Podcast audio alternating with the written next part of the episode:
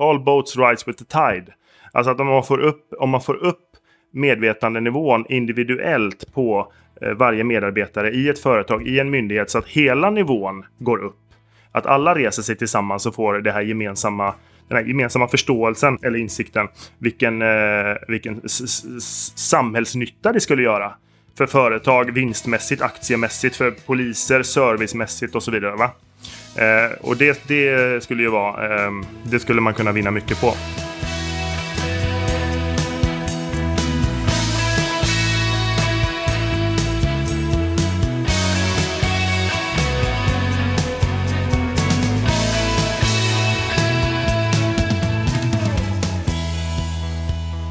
Du lyssnar på Human Change med mig Daniel Magnusson och idag har jag två bröder i studion. Eller i studion i studion. De sitter på varsitt håll. En i Göteborg och en uppe i Stockholmstrakten.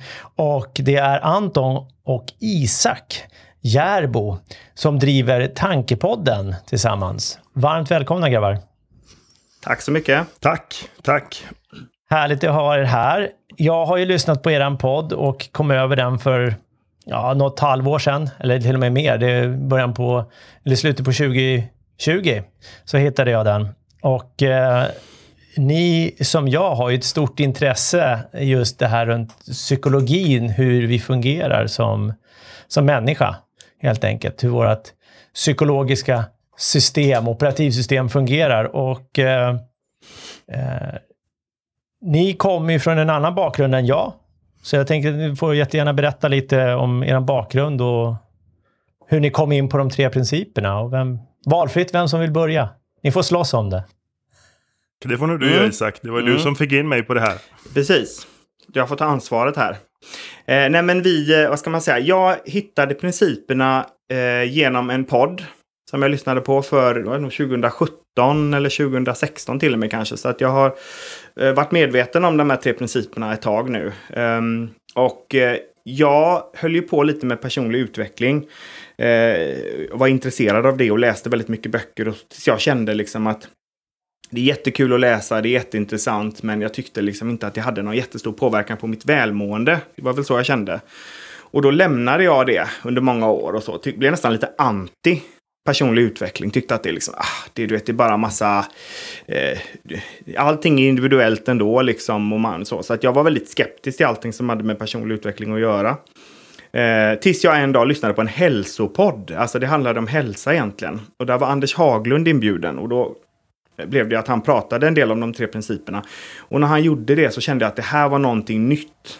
Som jag liksom aldrig har hört förr. Och då, då, då, det här är någonting annorlunda. Och då blev jag intresserad av principerna. Så då började jag ju att läsa böcker om, om, om principerna och sätta mig in i det och, och så. Jag gillar ju att läsa mycket och, och så. Så att jag har ju läst det mesta egentligen nu det här laget och så. Eh, och tycker att det är väldigt eh, spännande och fantastiskt och så enkelt. Alltså det är ju enkelheten i principerna som är så underbar. Och eh, tycker också att jag har sett att det påverkar mitt liv när jag förstår och får insikter om principerna så ser jag att det händer saker med mig. Och det gör ju också att det blir mer spännande och intressant än när det bara är en massa intellektu intellektuella idéer man har. Så, så, så, är det ju liksom på ett annat sätt. Så att, och sen så började jag ju prata med brorsan då. Vi, vi, vi är ju nära varandra och har alltid hängt ihop liksom och sådär. Och då blir det att man surrar lite om de här grejerna och eh, han som är en klok människa kunde ju också känna att här finns någonting mer än, än, än det vanliga och så. Någonting speciellt i detta. Och därvid började ju du, Anton, då. Kan ju du ta vid? Hur du började Precis, du har ju eh, genom vårt liv tillsammans fått eh, haft lite olika idéer för dig och tankar och bollat det med mig och jag har dragits med i det ena efter det andra och sådär och provat på det och så. Så även det här tyckte jag ju lät intressant och så eh, fick jag information från dig mest. Jag satte mig inte in så jättemycket i det som, material som fanns och de eh, människor som pratade om detta. Utan jag pratade med dig mycket men förstod ganska snabbt, just som du sa, enkelheten i det. Jag kunde förstå ganska snabbt eh, hur det förhöll sig med detta. Och när jag sen eh, började applicera det i mitt liv så kände jag att vilken grej. Eh, så att så eh, kom jag att liksom verkligen fastna för det. Och när vi båda kände detta att oj, det här förhåller sig verkligen så för oss och det här är väldigt, eh, det här är väldigt enkelt, trevligt och bra och det hjälper oss i våra liv på, det hjälper oss väldigt Eh, mycket i livet så kände vi väl att vi får göra någonting med det. Så det var väl så vi började bolla idén om, om hur ska man liksom förmedla detta och sådär. Då började vi prata om att vi kanske ska podda. Mm. Så det var väl så tankepodden föddes. Och du andra människor som sa till dig, det var ju dina kollegor och så som sa liksom, det här måste ni podda om. Och jag hade inte tänkt ja, den precis. tanken riktigt. Så att jag sa, ja, det kan vara kul att börja podda om detta. Och sen har det växt fram lite, lite då för oss. Så vi har ju börjat att podda och snacka och så märker vi att det är kul när vi sitter och tjatar bara. Du vet, folk tröttnar ju på oss liksom. Så att man mm. kanske ska bjuda in lite andra. Coach, coach Magnusson till exempel.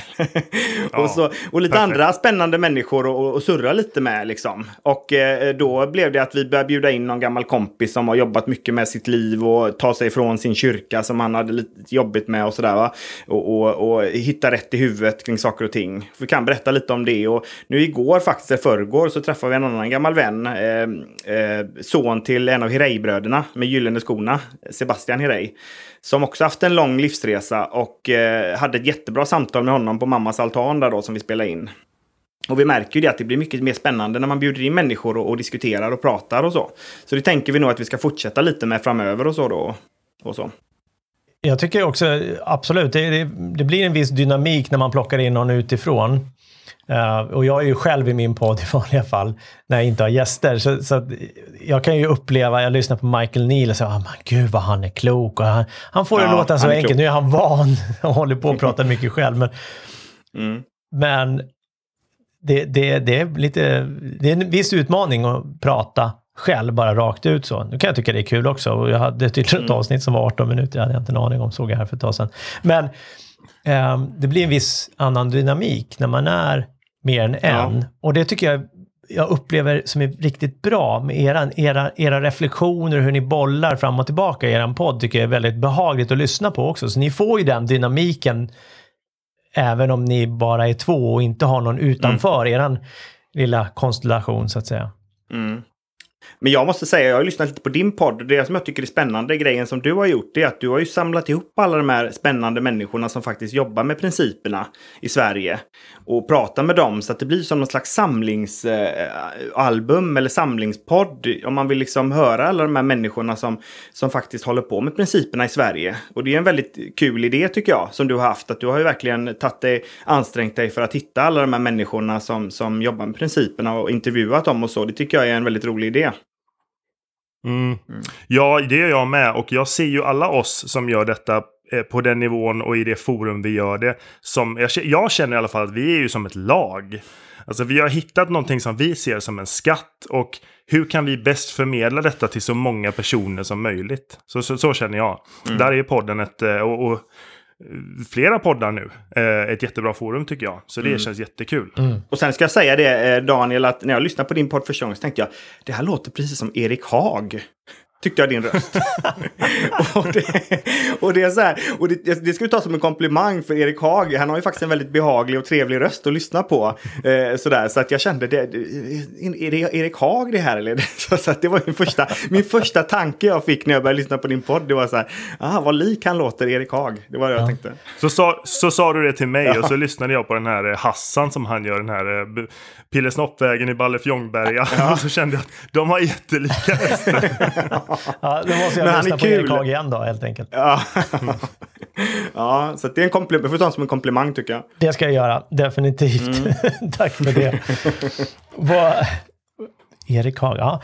Eh, det, det, ni har ju en kristen bakgrund också. Och ja. uppväxt eh, och, och, kristen, och det kan ju finnas olika nivåer av det också, tänker jag. Eh, men ni har ju missionerat och sånt också, om jag har förstått det rätt. Mm, har vi gjort. Ja, eh, i den kyrkan vi tillhörde, då mormonkyrkan, där, eh, där man kan säga att det, det, förväntas av männen framför allt att avsätta två år i ungdomen, då, mellan 18 och 25 vanligen. Att åka ut i världen och eh, vara ambassadör för kyrkan och sprida budskapet och tron och sådär. Det gjorde vi båda, så jag åkte till Spanien i två år och eh, du åkte till eh, Aten. Där du blev gripen några gånger och sådär. För, för vad hette det? Falsk, falsk predikan? Nej, alltså, jag, jag har ju stått mitt i Aten med, eh, med tio ortodoxa präster runt mig som står och skriker och gapar att jag är hädelse och du vet, det var kaos och polisen kommer och plockar in oss och så här. Så det var ju en ganska intensiv upplevelse. Men samtidigt en väldigt häftig upplevelse för att man, man slänger in 20-åringar ut på gatan och säger prata med en religion. Och det är ju ganska, vad ska man säga, tufft och man är ung i den åldern och man ska ut och, och, och man har ju inte så mycket, vad ska man säga, djup kunskap heller riktigt som man har landat i när man kanske när man är 20 år. Utan man följer ett program som kyrkan har som man förhoppningsvis känner gott för åtminstone. Eh, och så ska man stå upp för det då mot alla människor man träffar och så. så att, och i Grekland var man ganska ensam för att där är det väldigt ortodoxt. Och eh, det liknar ju lite grann Spanien, Anton, som du var i. För att de länderna har ju lite liknande, eh, eh, vad ska man säga, eh, kulturer och så. Så att, så att eh, på det sättet så har Anton och, Anton och min uppväxt och så har ju varit väldigt lika. Så vi har ju blivit ganska lika också. För att han har haft ganska likadana erfarenheter då när han var på mission och sen efteråt och så. Så att eh, det, det är ju kul. Man kan ju relatera till varandra på det sättet. Och det gör ju också att när man pratar om principerna och så, så förstår man varandra och man kan liksom bolla på ett sätt som gör att det, det, man, har väldigt, eh, det blir väldigt, man är väldigt nära varandra när man pratar för att man har hög förståelse för var man kommer ifrån. Liksom. När ni då var och missionerade då både i Spanien och Grekland, vad, vad, vad är skillnaden mot det ni predikade och missionerade om, kanske man säger mera då, än mot det som ni mötte där nere?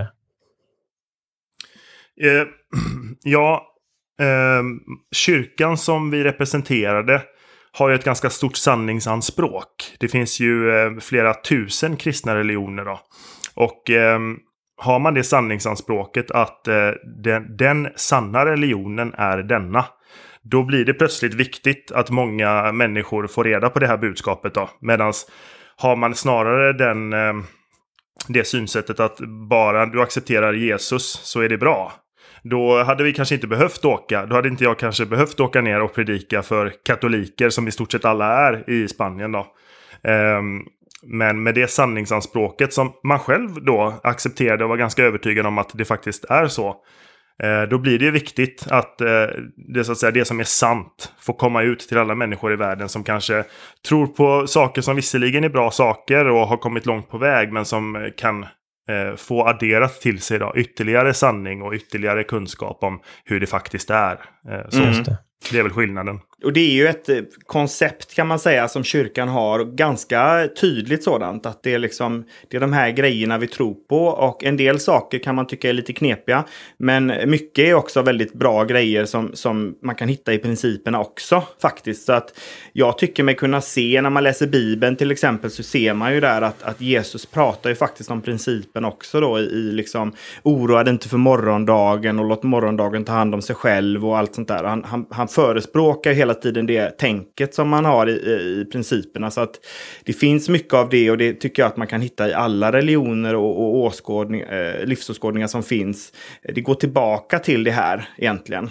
Eh, och det är det som jag tycker är fint med principerna. Det är ju att den, det finns ingenting egentligen som eh, man ska tillägna sig eller det finns inga koncept man måste ta till sig utan det handlar ju tvärtom om att det finns inom oss allihopa. Vi behöver inte göra någonting. Vi behöver liksom inte upp nå någonting. Vi behöver inte, liksom, utan det finns där. Och det är väldigt avslappnande på ett sätt. För då slipper man springa runt och leta efter massa grejer. Eh, och det, mm. det är ju skönt på ett sätt. Att man, att man slipper det. Så, att, eh, mm. så det, det, finns en stor skillnad, men det finns också likheter skulle jag säga. Ver verkligen. Uh, och jag har liksom uh, ingen... Jag, jag konfirmerar mig, har jag gjort. Uh, och jag okay. vet inte, typ 14-15 det var bara för att kunna få en moppe Som de flesta. ja, förmodligen. Jag vet inte. Eller förmodligen vet jag Men, men liksom, det fanns liksom ingen, uh, ingen annan baktanke. Så det var en tydlig baktanke egentligen med det. Men, men uh, ingen annan liksom riktigt tro på det sättet och inte uppväxt på det i, i, i någon sorts religiös benämnelse. Och det, och det som jag då kan uppleva just när man tittar på, på de tre principerna eh, och, och, vad Sidney Banks upptäckte, eller han, ja, han upptäckte det och fick, fick egentligen en, en blev väl upplyst, eller vad man ska kalla det, en, en, en stor insikt. Det är ju så man pratar om det. Och då kan det ju lätt låta religiöst och det kan också eh, låta sektaktigt vad det nu än är, de, de som lyssnar på det. Medan han är ju långt ifrån det, eller han var långt ifrån det. Han var ju väldigt tydlig med vad han hade sett liksom, och hur, hur och han, det han hade sett var ju liksom att vi, hur vi fungerar och han hittat ett sätt att förklara det. Och precis som du sa Isak, just det här med att Jesus i det här fallet också pratade om det. Oroa er inte för morgondagen. Och, och det här pratas det ju om i andra religioner också eh, hinduismen, buddhismen etc. etc. Eh, och, men, och, och det, det, jag tänkte koppla till här var just det du sa Anton, där, det här är ju sant, det här vill man ju liksom nå ut och det är lite det jag kan känna att jag hamnar i. Och det är därför jag har den här podden. För jag har ju också sett vad det gör för skillnad för mig, men också för andra som jag coachar och, och andra människor jag pratar och lyssnar på. Mm. Vilka stora förändringar det faktiskt kan göra utan att behöva göra någonting egentligen. När vi är inne på det ämnet religion och religioner och eh, Pappa sa en gång en sak som jag tog med mig. Alltså, för I kyrkan var det väldigt viktigt att man tillhörde, om man ser det som en orgel, piporna på en orgel, de är flera stycken när de står i rad. Att man tillhörde rätt rör. Själva det röret som vi tillhörde. De andra rören, det var, det var inte rätt liksom. Men då sa pappa att det spelar egentligen ingen roll vilket rör du ligger i. Om du ligger i mormonröret eller principröret eller eh, islamska röret eller yogiröret, utan det som spelar roll mer det är hur högt upp i det röret som du tillhör du ligger. För tittar man på de muslimer som är dedikerade muslimer som har förstått principer inom sin religion och lever sitt liv efter de, de principerna som kärlek, vänskap, tjänande och jämför det med en kristen som har kommit långt i sitt, i sitt rör och som också är högt upp och har förstått hur det förhåller sig och vad som är viktigt och vad som är sann religion. Då spelar det inte så stor roll vilket rör man är i. Man kommer vara ganska lika varandra som människor ändå. För att man mm. har kommit i sin utveckling och i sin förståelse så pass långt. Mm. Så det tog jag med mig. Eh, det sa han en gång och det tog jag med mig för livet. Jag tyckte mm. att det var jättebra sagt och jag kände att eh, visst är det så. Och då pratar du ju inte kommit långt liksom, i karriären i en religion, utan kommit långt i förståelsen av den, det som den religionen försöker att förmedla någonstans i botten då. Men, men även, eh, tänker jag, du pratade om Sidney Banks där då Daniel, och eh, Sidney Banks, han, han, han, han, gjorde ju alltid, han sa ju alltid så att det, det är ju eh, inte så meningsfullt att pusha ut någonting. Alltså trycka, trycka in din världsbild på en annan människa som inte är intresserad av att höra din världsbild eller ta till sig den. Det är ganska meningslöst. Eh, och en skillnad här då det är ju att när man, jag förstår den känslan som du har, att man vill, man vill ju dela med sig av något man har själv har förstått och sett att det är viktigt. Och det är det som vi försöker göra i vår podd också. Men, men det är skillnad på att försöka trycka upp din världsbild i ansiktet på någon som inte vill ha den. Och att faktiskt dela med dig av, no av någonting som du har förstått till en människa som är intresserad av det. Det är två helt olika saker. Så att jag försöker alltid tänka att jag, jag pratar liksom inte om principerna eh, med människor som, man, som man känner liksom kanske inte är så intresserad av eller har bett om det. utan jag är mer, när jag kommer in på en diskussion och någon undrar och är intresserad av och så, då delar jag gärna med mig och pratar så. Så att jag känner liksom inte behovet av att jag ska trycka upp det i ansiktet på, på någon eller ner i halsen på någon. utan Um, jag, det, blir det har du gjort redan i, det har du gjort i två år redan. Ja, det är precis. Jag har redan gjort den grejen i två år och det, det, var, det kändes sådär just den grejen. Ortodoxa präster liksom. de, precis, de tyckte inte om att få eh, mormonkyrkans ideologier nedtryckta i halsen. Nej, precis. Det var inte deras grej. Nej, och, och det, är väl det, det är väl ingen som tycker om det. Inte ens gåsen tycker om att få mat nedtryckt i halsen och sen så ska man göra gåslever av det. Och likväl så tycker inte vi om att vi blir påtvingade någonting, en ideologi eller eh, fakta eller vad det än är. För det är då det på något sätt vi, vi upplever att vi blir påtvingade någonting. Och, och mm. det är så viktigt och det, det, är bra. Och de som lyssnar, de lyssnar. De som inte lyssnar, in, lyssnar inte. Så är det bara. Mm. Och, och någonstans, det jag brukar säga är att Oavsett om man tror på det eller inte tror på det så funkar det. Och det är precis som mm. gravitation. Och, och, det kan ju låta jäkligt kaxigt kanske många tycker. Då får de väl tycka det då, tänker jag. Mm. Men, men det blir ju på något sätt en... Ett, ett, en, inte en predikan, men, men det, det, är lätt att dra en koppling till att det är religiöst. Mm. Och, och det du sa om, om orgen där Anton, det här med att alla, alla religioner, när man tittar på ursprunget, nu har inte jag läst teologi på det sättet och kan religion så djupt, men det, det jag fattar är ju att alla pratar om att vi är liksom kärlek. Och det blir, blir ju först när det tolkas på fel sätt som det blir fel. Uh, därav feltolkningen. Uh, men när vi väl börjar titta på vad, vad, vad, man faktiskt står för så står det ju för omtanke, medkänsla och kärlek i någon form. Oavsett, älska din nästa eh, till exempel. Och att, att det är det det allting handlar om. Mm. Att vi, vi är ju här och vi vill väl. Sen så kan man då börja göra falanger och börja tolka texter och sånt så det passar mig och passar mm. min agenda. Mm. Och då är det då det blir extremt. Tänker jag i alla fall. Precis, och det blir ju lätt så tycker jag, kan jag tycka ibland inom principerna också faktiskt. Att eh, de, en del som håller på med principerna vill ju nästan skapa något slags religion, känns det nästan som ibland kan jag tycka också. Eh, eh, när man är med i olika forum och sådär då, att det blir någon slags lära och så. Och det, jag tror att det är högst mänskligt det där. Att man på något sätt, man vill konceptualisera saker och ting. Man vill ha en liksom tydligt koncept. Det här är mitt koncept som jag följer och så. Alltså, det är någon slags trygghetsgrej det tror jag. Eh, när egentligen principen är precis eh, motsatsen. Principerna, alltså som sagt, det är ett gäng principer som, som faktiskt om man tittar på det så, och lyfter på de här stenarna och verkligen grottar ner i det så ser man ju då liksom, när man börjar fundera på vad, en, vad tankar är för någonting till exempel, så, så ser man ju då att det finns ingen människa kan jag tänka mig som inte få sig en tankeställare när den börjar fundera på vad tankar är för något, om den inte har gjort det förut. Tror jag. Så att det blir ju liksom sådana slags eh, eh, man kan ju använda det som, som i och för sig då om man känner ett behov av att tillhöra en gemenskap och tillhöra någonting så kan ju principerna vara något, något sånt, absolut.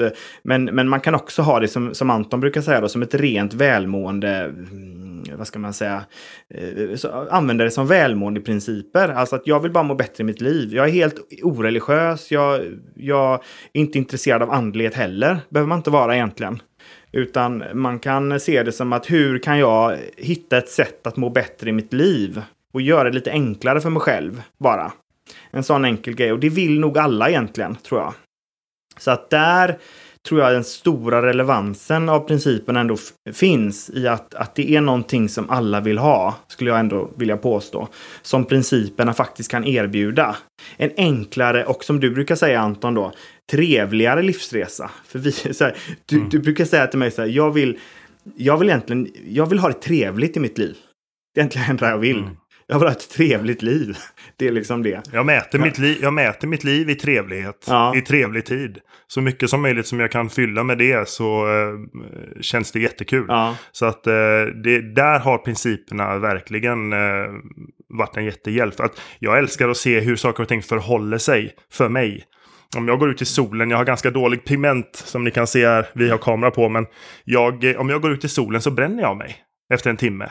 Jag somnade i solen en gång i fyra timmar och så sa jag aldrig mer. Jag var som en sån här, man penslar, man penslar smält smör på en röd hummer så som liksom. Och sen så lärde jag mig att en timme då tänkte jag. Och då brände jag mig igen.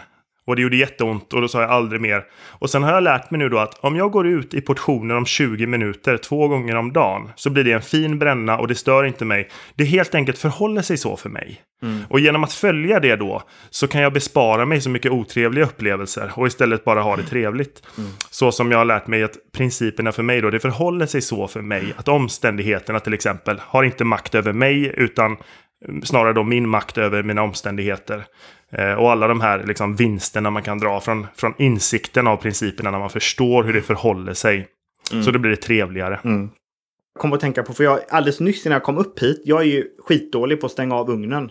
Eh, eller splatt, eh, spisen. Jag kan, glömmer lätt det. Jag tar bort kastrullen och så glömmer jag stänga av. Och det har jag börjat med på senast. Jag vet inte varför. Men det är en, en dum vana. Ovana. Eh, och det, min sambo blir ganska irriterad på det med all rätt. Hon säger, det är ju en säkerhetsrisk och så här, liksom, ja, så att det, det, hon kan gå igång på det ganska hårt. Och det gjorde hon nu här nere då. så att det var liksom så här, du får absolut inte glömma att stänga av spisen. Liksom. Nej, och vad ska man säga? Det är klart jag inte får. Liksom. Det, det, det har hon ju rätt i. Men det är så här, hon blir ju, hon går, hon, så går in i den här som jag ser det då, tankestormen som det ändå är. Att hon, hennes tänkande sätter igång och hon blir, blir arg och så. Va? Så att det blir en ganska otrevlig stämning. Och, det är så här, och då sa jag till henne så här, men måste vi prata om det här nu? Kan vi inte prata om det sen? Så här, när då sen? Liksom. Ja, men eh, vi ska ut på promenad sen i eftermiddag. Kan vi inte prata om det då? liksom. Eh, ja, okej. Okay. Fast, då, fast då kommer vi glömma det. Så okej, okay, då säger jag så här. Okej, okay, men då ställer jag klockan. För vi ska ut på promenad vid, vid sex, va? Då ställer jag klockan på kvart över sex då. och, det är så här, och då börjar hon ju skratta till slut. Det blir så absurt. Förstår du? Jag ska ställa klockan på att vi ska prata om det på kvart, klockan kvart över sex när vi är på en promenad. Och då börjar hon ju skratta. Och lite grann då så är problemet löst. Det är det som är så himla konstigt. För rätt som det, när hon inte är i sin tankestorm längre, jag säger, jag säger inte att problemet är löst, det är klart att jag ska stänga av plattorna och komma ihåg det, men så här, den, den irritationskänslan, den tråkiga stämningen vi var i, den försvann. Och, och det, det är värt väldigt mycket. Och egentligen så behöver vi kanske inte gå tillbaka och bråka och stångas igen då. Eh, så. Det är ju en vinst. Jag, I min värld så ser det inte ut som att vi måste göra det egentligen. Jag, jag vet ju med mig att jag måste försöka lära mig att stänga av plattan och, eh, och så, att det, det är viktigt. Men vi behöver inte bråka om detta mer. Och det har ju liksom, det är en jättevinst tycker jag. Att då, då man, så fort tankarna skingras, man får ett nytt tänkande, så är det borta. Och det är ju en, en, en jätte, jättevärdefullt. Ver verkligen. Och, och, jag tänker så här, vad har ni för spis? jag har en häll, den stänger av sig själv om jag glömmer. Du får investera i en sån. Vi har ett nu, sånt där gammalt ja. 90-talskök, vet du. Ja, så här, jag kommer aldrig glömma, jag lovar. Och så lägger du fram en häll där eller någon sån här självavstängande. Eller som man har på, på kontor, en sån här timer man trycker in på 30 minuter. Det är lite jobbigt om man kör långkok. Det, borde... det här gör ont i mig som gammal, som gammal brandskyddskonsult på Göteborgs stad. Det gör ont i mig. Så ja, jag vet. Vi får prata om detta. Ja. Kvart över sex ikväll får vi prata om det. Jag ska ställa klockan. Du, du, får ringa in då Anton och så kan du vara med i samtalet där. ja. Mm. Och hur, hur, ehm, hur, jag tänker så här, vi, vi, har pratat om tre principer och så vidare, men, men det kan ju faktiskt vara folk som inte har hört talas om det innan som lyssnar. Och då tänker jag så här, vad, hur, hur förklarar ni de tre principerna? Det här är egentligen ditt område Isak, för att det enda som sagt som jag tar med mig av de, de här tre principerna Eh, det är behållningen i hur det förhåller sig som de förklarar ganska bra. Eh, de tre principerna som sådana eh, och läran bakom dem, de, den förklarar du bättre. Det, det ligger lite utanför mitt intresse. Det som ligger i mitt intresse det är att som det förhåller sig, eh, det fungerar för mig. Och det, det är i relationen, det är i jobbiga situationer och så vidare. Så mm, att, eh, mm. varsågod Daniel, vad Precis, tänkte du? Ja, jag, jag, tänker så här, så vad är det du, vad är det du har sett och, och ser skillnad då, Anton? Min stora behållning i detta det är att eh, mina tankar leder till mina känslor, mina känslor leder till mina handlingar. Och att jag kan få ett nytt tänkande ganska snabbt och när jag får det så får jag nya känslor. Om jag då kan få för mig att glömma och lägga bakom mig det som jag tyckte var jobbigt så finns inte det längre. Och det, det är en jättebehållning. Exempelvis så satt jag i en bil med, med min fru och mina barn på väg till en semester här eh, för ett tag sedan. Och så hade vi ett sånt här jättebråk.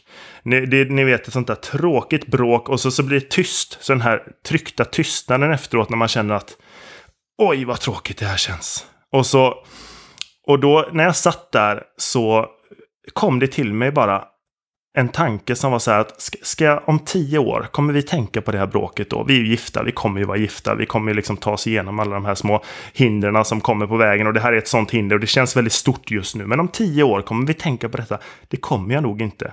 Men om fem år då? Nej, det tror jag inte heller. Om ett år, och så gick jag ner till men om, om en halvtimme då? Alltså, helst skulle jag vilja komma över det här nu. Och då frågade jag min fru, så sa jag det, du älskling, om tio år, tror du att vi kommer tänka på det här då, det här bråket? Sån. Nej, det tror jag inte. Nej, om, om ett år då? Nej, om en halvtimme då? Alltså, hur känner du? Hon säger, nej, jag skulle helst vilja bli av med det nu. Så jag, jag med. Ska vi göra så att vi bara, vi struntar i det nu och så börjar vi om? Så sa hon, ja men det gör vi. Så, så kunde man hålla handen där över växelspaken och så. Det som det gav mig, det var att det var väldigt hoppfullt för att det betyder ju att i relationer där man bråkar och man stångas när det ser som mörkast ut så det var inte bara det att jag fick en, en insikt om någonting där, utan även min fru fick, vi fick insikt samtidigt. Och det vände helt från fientlig stämning till en värdefull insikt som vi tar med oss nu. Och som, vi kör ofta den nu när det är lite grann så här, men, men om tio år då? Nej, nej okej, okay, ja, men vi släpper detta, vi lägger det bakom oss. Det var som i bilen den där gången. Eh, och det betyder ju att i våra förhållanden och relationer, när vi upplever att nu är det så mörkt, nu är det så fientligt, även där kan jättefina, härliga insikter slå oss till och med tillsammans som par. Och vi kan istället få en skatt utav någonting som såg så mörkt ut. Det, det är ett exempel eh, hur det kan förhålla sig om man förstår de här principerna. Vi går inte tillbaka och rotar, vi går inte tillbaka och hackar på varandra, utan vi klev över och gick vidare då. Och det, det, är ett exempel på en behållning som jag får av de här principerna som hjälper mig i livet. Eh, principerna som, så, eh, som sådana och eh, tanke, thought, mind, consciousness och sådär. Det är du mer inläst på Isak och kanske mer intresserad av också än vad jag är. Ja, och jag tycker det handlar ju egentligen inte så mycket om, om att vara inläst. Det kan man vara när det gäller principerna. Att vara inläst på någonting. För att man kan vara hur inläst som helst men inte förstå någonting. Eh, egentligen. Så att, så att eh, eh jag, jag, jag, jag, känner väl egentligen det man får prata om, som du sa där Daniel, vad man har sett tycker jag är en bra fråga egentligen. För det handlar egentligen om vad jag har sett. Eh, jag kan ha läst hur mycket som helst och jag är, tycker egentligen att det du nämner Anton är det viktigaste också. Att, att, eh, att upplevelser passerar och går över. Att det är en ständig, vad ska man säga, illusion som, som kommer och går i, i våra liv och att vi eh, kan istället njuta av den drömmen vi lever i egentligen. Tankedrömmen vi lever i. Eh, istället för att ta den på fullaste allvar hela tiden. är en jättebehållning och så. Eh, jag kan gärna prata lite om, om, om eh, hur jag ser på på principerna rent vad de är för någonting. Om det var det du tänkte Daniel där eller? Ja, ja men gör det. För det, det är alltid roligt att höra hur folk pratar om dem också. Och, och, mm. Tack snälla för att du delar med dig Anton av det där. För det där var väldigt bra. Liksom, just att bara räkna bak tio år nej, och sen bara en minut. Och i vissa fall, ja förmodligen kanske vi kommer att påverka dem med en minut. Men vill jag det? Mm. Helst så tråkigt. Och, och, och, dessutom, det här var vårat bråk och just den insikten var min insikt. Men som, som liksom i, i stort då att just det att det kan förhålla sig så. Att när det ser mörkt ut och när vi är ovänner så kan en annan människa få sin insikt och ett annat par kan få sin insikt. Och hur tvärt det kan vända om vi förstår hur psyket och hur vi fungerar och hur vi kan förhålla oss till problem jämfört med vad vi är vana vid. Mm. Exakt. Och, och, och, det, och, det, som du sa Isak också, det handlar inte bara principerna i sig om man tittar på eh, att förstå dem intellekt, eh, intellektuellt. För det är ju en sak och, och liksom, jag hörde någon podd om det var med Dr. Bill Pettit tror jag, eller någon annan, han sa så här, mm. Mm. Any parrot, liksom varenda papegoja skulle kunna rapa upp liksom tanke, medvetande och livskraft eller universal mind eller vad man nu väljer att kalla det.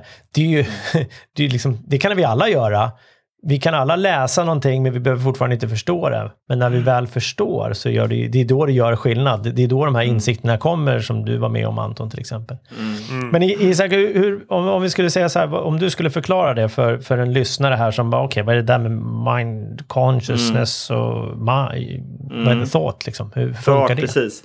Och då, eh, jag brukar säga kanske livsenergi, medvetande och tanke då på svenska. Eh, och det är kort och enkelt förklarat som, jag, som det ser ut för mig då, så är det ju att det finns en livsenergi och den livsenergin är ju egentligen det som, som allt är gjort av som finns. Även våra tankar, eh, även vår, allting skapar, Det finns en livsenergi bakom livet som, allting är energi egentligen. Så att det finns någon slags energi bakom allting. Och den är ju mystisk i mångt och mycket. Den är svår för oss att förstå för att eh, den har ju heller egentligen ingen form från början. Den tar form dock. Och det är det som vi ser här i världen och så. Men från början eh, så har den ju i stråmaterial råmaterial egentligen ingen form. Någonting formlöst blir format. En blomma uppstår från någonstans och så. så.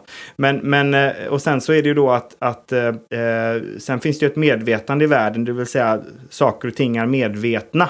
Och det är ju också mystiskt på ett sätt tycker jag. Och försöka förstå det. Vad är medvetandet för något? Hur vet vi att vi är medvetna? Men vi vet ju om att vi är medvetna åtminstone. Och för mig så har det varit en jättestor grej att förstå liksom det här med hur medvetandet spelar en stor roll i vår upplevelse.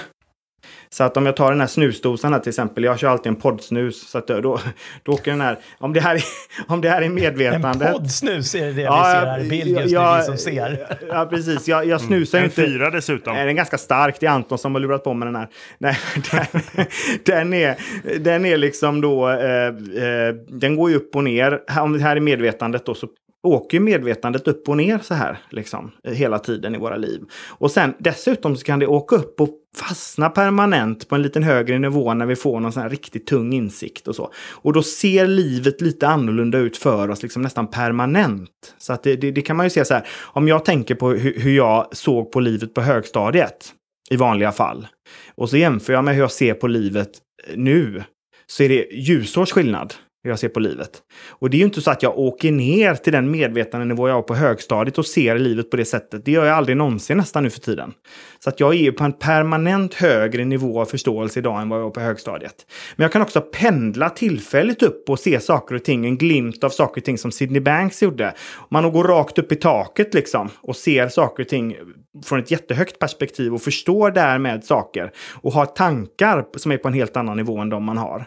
Så att det tycker jag är nästan det mest spännande med principerna. Det är just det här som vi som vanliga människor tror jag inte går runt och tänker på så mycket. Att man faktiskt hela tiden befinner sig på någon sorts medvetandenivå. Och eh, eh, det vill jag utforska. Det är det jag liksom försöker att tänka, liksom utforska i det här med principen och så. att vad det spelar för roll för min upplevelse. Och, och eh, eh vill man prata välmående då så handlar det om på högre medvetandenivåer så har man mycket mer av välmående, mycket trevligare. På högre som Anton brukar säga. Livet ska vara trevligt. Mm. Det är mycket trevligare på högre medvetandenivåer än vad det är på lägre. Så att där har man ju en behållning då. Och, och, och eh, så det är ju en, en stor sak då, medvetandet. Sättet som vi liksom ser livet på, eller den nivå av förståelse som vi befinner oss på. Det är liksom vår medvetandnivå. Och på en viss nivå så kommer det vissa typer av tankar. Och det är ju den sista principen då, tanken. Så att när jag är på en viss typ av nivå så har jag en viss typ av tankar. Och ändras den nivån så får jag en ny typ av tankar på den nivån. Och det är ju inte så att de tankarna som jag har på den nivån är, är the shit liksom. Det är de tankarna som är. Det är det som är verkligheten. Det förstår man ju till slut då. Att det är ju inte så här. De tankarna jag har nu, det är just de tankarna som jag råkar ha med den förståelsen som jag har och den, den livssynen jag har just nu i livet. Om jag skulle varit ännu högre upp, då skulle jag kunna haft andra tankar nu om detta. Det vet man. Eh, så att, så, att, så att på något vis så blir ju livet väldigt subjektivt och väldigt temporärt och väldigt elastiskt när man förstår hur medvetandet fungerar. Jämfört med hur det var när man trodde att man bara gick runt och filmade verkligheten. Och liksom reagerade på den ungefär utifrån någon slags då att jag ser sanningen, jag kan bedöma läget och så, jag har koll på läget. Då. Gick man runt och så trodde man så eh, det blir väldigt annorlunda då när man förstår att liksom, det pendlar. Det är, finns ett väldigt stort mått av subjektivitet i hur jag ser på verkligheten. Eh, då blir det inte lika allvarligt längre heller. Så att om jag råkar tycka någonting någon gång så kan jag tycka det i och för sig, men det blir inte lika dramatiskt och allvarligt. Principerna förklarar ju också, och en del av principerna är ju förståelse för den mänskliga upplevelsen. Just det här med att pendla upp och ner, hur naturligt det är. Mm. Men att det inte är så viktigt. Mm att eh, humörsvängningar, bara för att jag känner mig låg, och det, eh, så behöver inte det betyda så jättemycket, utan det är helt naturligt. Jag är okej, okay, jag är fine, även om jag just nu är på ett lågt humör. Mm. Jag behöver inte värdera det så mycket. Det är en jätteskillnad för mig om någon bara skulle packa vikter i en ryggsäck på mig när jag var ute och gick och sa gå nu, gå upp för de backarna. Då skulle det göra ont och det skulle vara jobbigt. Jag skulle tänka vad är det här för ett psykfall liksom? Men, men det är ju det en PT gör. En PT har ju som uppgift att få mig i bättre fysiskt skick. Om han säger åt mig och jag är där frivilligt och lägger på mig tyngd och säger gå upp där. Då har jag en förståelse för den situationen jag är i och hur naturligt det är att det här kommer göra mig starkare. Och just skillnaden på den förståelsen, att bara göra något utan att förstå varför eller varför jag har ont eller varför det är jobbigt mot att förstå eh, hur det förhåller sig. Varför jag mår så här och det spelar inte så stor roll och jag är här frivilligt. så Det är en jätteskillnad. Mm. Att förstå varför jag mår dåligt och att det inte betyder något mot att inte förstå det. Mm. mm. Det finns ju mycket som helst att säga om det egentligen, så att det tar ju liksom aldrig riktigt slut. Men, eh, och sen är det ju det, det svåra är ju också att det är ju, när vi pratar om något formlöst som inte går att ta och lukta på och se på och så, så blir det också väldigt svårt att greppa det. Så att man får liksom prata i metaforer. Som min snusdosa, vi kan kalla det, etablera den här nu, snusdosmetaforen. Så att det, den tar jag patent, mm. den tar jag patent på här nu. vi brukar... Vara, och jag får börja slä, jag snusar ju inte, jag har aldrig, faktiskt aldrig provat att stoppa en snus i munnen, helt sjukt kanske. inte men, så dumt. Men jag, jag kanske får köpa en och så får jag ha det och alltid när jag pratar med mina klienter och använder en snusdosa. Ja. Uh, ja, men det, och, och, både tanke, medvetande och livsenergi, jag gillar det ordet, livsenergi, det, det är ju formlöst. Mm. Och, mm. och det är väl det som när vi pratar om det så använder vi just metaforer väldigt mycket. Och en del kan säga, ja, men väldigt mycket metaforer. Och det, för det, det är ju det sättet som egentligen är bäst, skulle jag säga. För då kan man faktiskt peka på någonting utan att peka på det. Mm. Mm. Och som Michael Neal tror jag säger, it's like pointing with eyes to fire eller något liknande. Att liksom, ju närmare mm. vi kommer, desto mindre har vi att peka med. Uh, och mm. hur, hur, eh, för, ni, ni jobbar med, ni jobbar inte med att sälja coaching och utbildningar eller liknande? Nej, inte än så det. länge. Vi, vi, nej, inte än så länge. Nej, nej, utan vi har ju börjat så här med vår podd och vi är ju otroligt, eh, vad ska man säga, begeistrade i de här principerna för att vi ser ju hur, hur, hur gott det gör människor. Och Anton han pratar med sina kollegor och du vet, han använder ju hela poliskåren här, poliskåren inom principen mm. och så. Så att han har ju, sprider ju goda ordet och, och, så. Det blir ju att man som sagt, man pratar om det när man naturligt kommer in på de samtalen. Just så att vi, vi, mm. vi tycker att det är väldigt kul och vi kommer säkert att göra det eh, framåt och sådär på något vis. Eh, men vi känner inte riktigt att vi har kommit dit än och att vi, vi gör det. Utan vi, vi nöjer oss med vår podd än så länge och ser lite grann vad den eh, tar vägen och så, och så. Får vi se sen vad som händer. Mm. Jag tror att många, både myndigheter och, och, näringslivet, skulle kunna dra jättestor nytta av den här förståelsen om man skulle få in den i en, en, en, struktur på sin arbetsplats. Jag har ju eh, bara det senaste året gått liksom, kanske från tankar på insatspolis till snarare polis som håller debriefingsamtal med poliser som har varit utsatta för hemska saker och som, som de har jobbigt med och, och liksom hjälpa dem framåt i det. Mm. Det blir ju någon form av coaching så, men det tycker jag skulle vara jättespännande och tror att principen principerna kan hjälpa många människor där. Mm. Och, och, och, jag skulle säga, det, det, det är inte bara tror, jag, jag, vet att det skulle kunna hjälpa. För, för, mm. för det, det kan vi ju se på vad vi själva har varit med om, eh, hur vi kan förhålla oss till vissa saker. Och det behöver inte vara så lite som ett, ett bråk i en bil som ett exempel, utan det kan vara värre saker som man har varit med om eller som man har liksom eh, kan tycka är jobbigt. Allt mm. ifrån ekonomi, relationer, eh, förluster eller vad det än är. Mm. Och även så kan jag bara titta på de klienterna jag har jobbat med och även sådana som jag har haft som gäster, så, så vet jag att det kan göra stor skillnad. Och, och även, ett, jag tänker också i, i alla arbeten, när vi då kan ha mer klarsikt, klar, klarhet i en situation, än att vara uppstressade och uppjagade. Mm. Och så tänker jag då, en, en polis som är mer närvarande, ett stilla sinne, än uppjagad i en, i, i en stressad situation, mm. kommer att agera mycket bättre. Precis som vilken människa som helst. Och, och i, i de situationerna, när man jobbar inom eh, det yrket, eh, kan det ju, ju verkligen vara avgörande mellan liv och död. Jämfört med, mm. oh, vi, vi ska, hur ska vi lösa det här styrelsemötet? Mm. kanske inte liv eller död. I första Lägre prio. Mm. som, som, eh, var det Pransky som sa all, all boats rise with the tide. Mm. Alltså att om man får upp, om man får upp medvetandenivån individuellt på eh, varje medarbetare i ett företag, i en myndighet, så att hela nivån går upp att alla reser sig tillsammans och får det här gemensamma, den här gemensamma förståelsen eller insikten. Vilken, eh, vilken samhällsnytta det skulle göra. Oh ja. För företag, mm. vinstmässigt, aktiemässigt, för poliser, servicemässigt och så vidare. Mm. Eh, och det, det skulle ju vara, eh, det skulle man kunna vinna mycket på. Han jobbade, får jag nämna där också, du sa i Pransky, han jobbade med ett projekt faktiskt hörde jag eh, inom polisen. Jag tror att det var, kan det ha varit Sydafrika kanske? Eh, och eh, eh, där han var delaktig då. Och då handlade det om att minska korrup korruptionen. Ja, just det. I- Det har jag nog hört också. Ja. Ja, det tyckte, och det tyckte jag var väldigt roligt att höra för att han insåg ju då att går in och säger nu ska vi prata om korruption med poliserna. Då, det, då får du kalla handen bara så här. Du, du ska inte ta våra pengar liksom. Vi, har, vi ska ha vår inkomst och så. Du vet. Så det den vägen. Men då insåg han ju då att då pratar han, men pratar du istället då antistress. Det vill alla gärna prata om och så. Så han sa ju det, nu ska, vi, nu ska ni få gå ett antistressprogram. Som egentligen var ett antikorruptionsprogram för att får man upp medvetandenivån på poliskåren då blir en konsekvens av det att då gör man grejer som ligger på högre medvetandenivåer.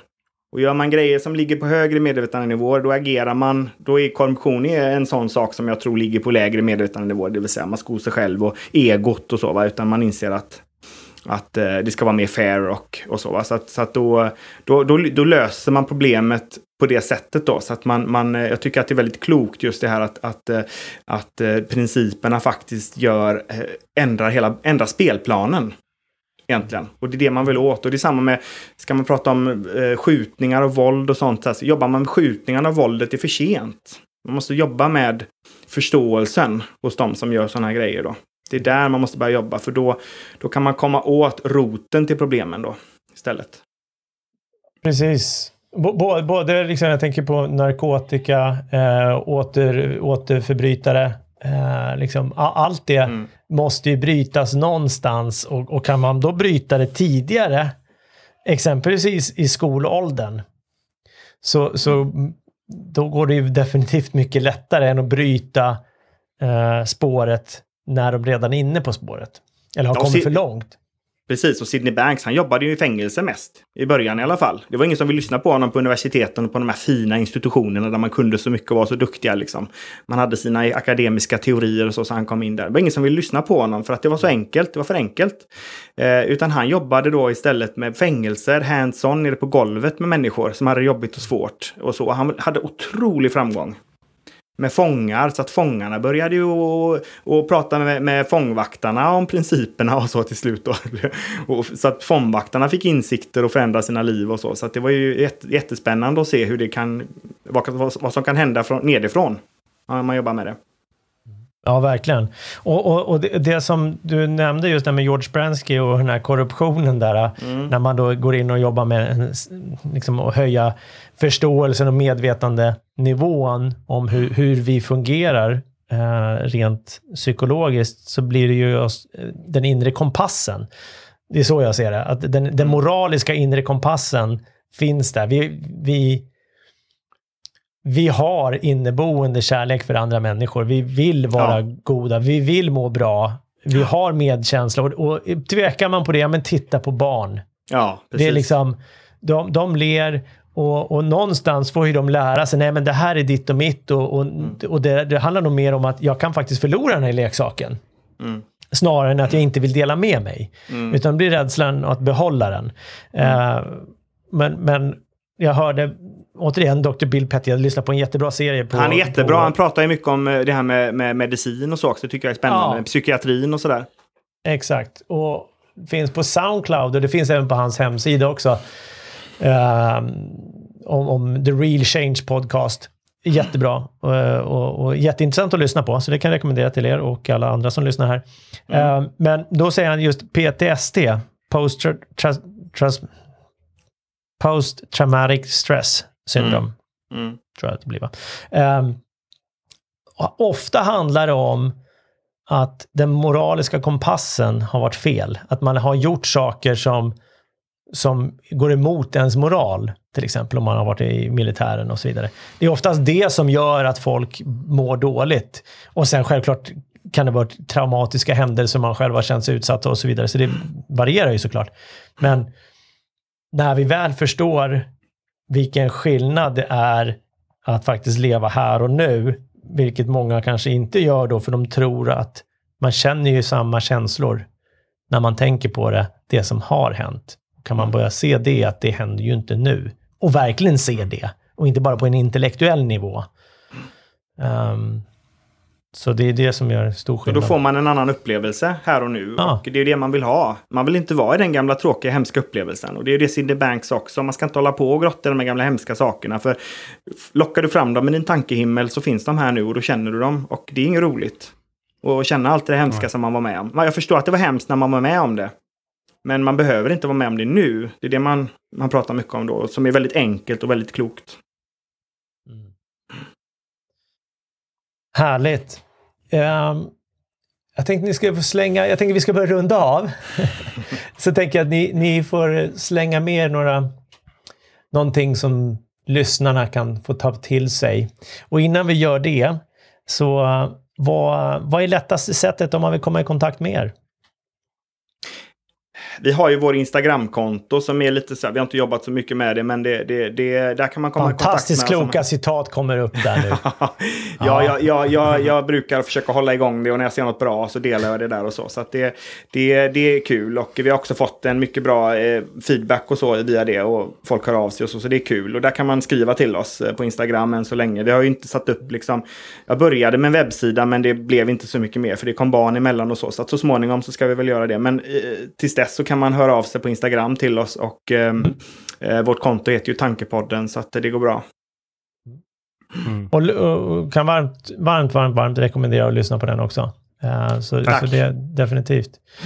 Um, så, så vad, en, en av er um, får börja och slänga iväg några, någonting som ni vill skicka med till lyssnarna.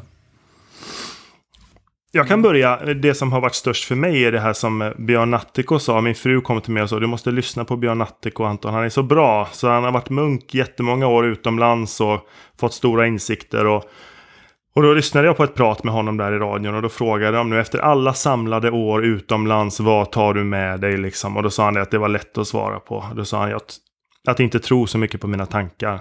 Och då tittade jag på henne bara spände ögonen. Hörde du eller? Han sa precis det som vi håller på med. Och, och jag håller verkligen med om det för att jag har tänkt så många gånger att eh, imorgon så ska jag göra det och det blir tråkigt och nu ska jag gå på det här mötet och det blir tråkigt och så har det blivit det. Och då har jag liksom det gång på gång på gång på gång har gjort att jag har börjat tro på mina tankar. Jag visste ju att det skulle bli tråkigt precis som jag tänkte, men det är bedrägligt. Så det ska man nog inte göra.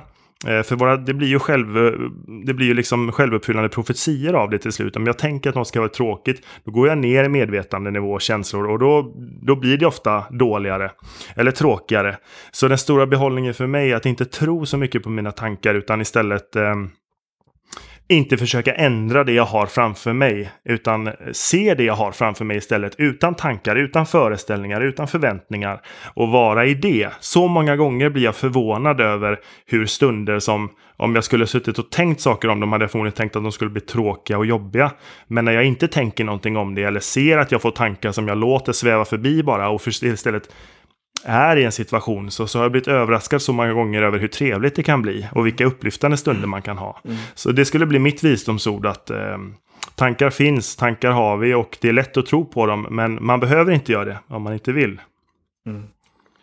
Precis. Och det håller jag verkligen med om just att, att eh, låta upplevelserna komma istället och se vad det blir. Var lite nyfiken på istället. Ja, det kan bli som det blir. Jag vet inte hur det kommer bli imorgon. Ingen människa vet hur det blir imorgon. Utan eh, imorgon kommer dagen och då tar jag det när det kommer. Oftast blir vi överraskade. Oftast är det tråkigaste föreställningarna vi har innan någonting som vi tycker är lite jobbigt. Det är det jobbiga. Sen när det väl kommer, jag hade ett möte häromdagen, som jag jobbar ju med utbildningar och så, och då sa det här mötet kommer bli tufft och det är många som tycker massa saker, jag ska hålla ihop det här mötet, det kommer bli jobbigt. Och så, så var jag mötet, det blir hur trevligt som helst. Jag satt där, det var hur bra som helst. Så att man vet aldrig hur det blir och det, därför behöver man inte lägga så mycket tid på att tänka på det heller, utan man tar det när det kommer och så är man i det. Och blir det, jobbig, blir det en jobbig upplevelse, ja då får det bli en jobbig upplevelse, det är inte hela världen. Det går över, kommer en ny upplevelse sen. Så det, det håller jag med Anton om och jag ska lägga till då jag lyssnade på en, en grej för ett tag sedan som, som slog an en sträng hos mig och det var det var George Pransky då, han är min favorit. Av alla människor som jobbar med principerna så tycker jag att George Pransky nästan är den bästa. Till och med bättre än Sidney Banks om jag vågar säga det. Han, är, han jobbade ju väldigt nära Sidney Banks men han, han kan förklara saker på ett sätt som gör att man, det blir så uppenbart tycker jag när han, när han pratar. Han gör det så enkelt så att det kan jag verkligen rekommendera lyssnarna då till, eh, till som lyssnar på det här att, att eh, lys, lyssna på, Cindy, eh, på ehm, ja, Cindy Banks också såklart, men George Pransky framför allt. Han sa det att ehm, Eh, vad var det han ska säga om jag säger det rätt nu? Eh, we, we're all sitting on a winning hand, som man säger inom kortspel. And we don't know it. Så att det, det är det det handlar om, just att vi sitter alla människor någonstans på en vinnande hand, men vi vet bara inte om det. Och det kan man fundera lite på vad han menar med det. Men jag tror på då, om man går tillbaka till någonstans då så så skapar vi ju alla våra hemska saker och så i, via, våra tankar, via våra tankar. Det är där allting skapas. Och när man plockar bort tankarna eh, och låter saker och ting eh, liksom, om man har lugnt i huvudet, Eh, då blir alltid mycket trevligare och man får en trevlig livsresa. Och jag tror att det är det han menar, att det finns en potential för en trevlig livsresa hos alla människor. Men vi tillåter oss inte riktigt att ha den. För att vi hittar på alla de här grejerna som begränsar oss och som är jobbiga och så. De finns i vårt huvud bara. Finns ingen annanstans. Det är där de residerar. Och eh, när vi då eh, inte nödvändigtvis behöver tänka ihop massa andra saker, för det handlar ju inte om positivt tänkande heller riktigt. Utan det handlar mer om att släppa tankar. Det är det som är nyckeln. Lå eller låta dem vara, tankarna. Då lugnar man sinnet automatiskt. Man kommer tillbaka till en grundinställning som man har. Och grundinställningen som du pratade om där Daniel, barnen. Barnen är i sin grundinställning. Det betyder inte att de aldrig är arga eller att de aldrig är ledsna. Det betyder att de hoppar från upplevelse till upplevelse bara. Och då blir livet mycket trevligare, att man inte fastnar i grejer. Det är det som är liksom nyckeln på något sätt. Så fastna inte i grejer, utan gå vidare och ha en... Ta varje upplevelse med nya fräscha, nytt fräscht tänkande. Låt det vara och se vad som händer liksom. Det, det är mitt eh, sätt att försöka förklara eh, det här som, som han sa där då. Tack snälla låt den vara eh, var väldigt bra. För det är lätt, man tänker släpp dem, då, men då har vi redan gått för långt. Ja, då har vi precis. tagit i dem, så låt dem vara. Ta inte ens i dem. Mm, precis. Tack snälla grabbar för att ni deltog eh, i denna podd. Tack så själv. Jag önskar er en fantastisk dag. Detsamma önskar vi dig. Tack själv. Tack detsamma. Ha det gott. Tack. Tack snälla för att du har lyssnat på den här podcasten. Skulle det vara så att du vill sätta ett betyg för att du lyssnar på iTunes är du mer än välkommen såklart att gå in och göra det. Sätt det betyg du tycker att den här podcasten förtjänar. Skriv gärna en kommentar.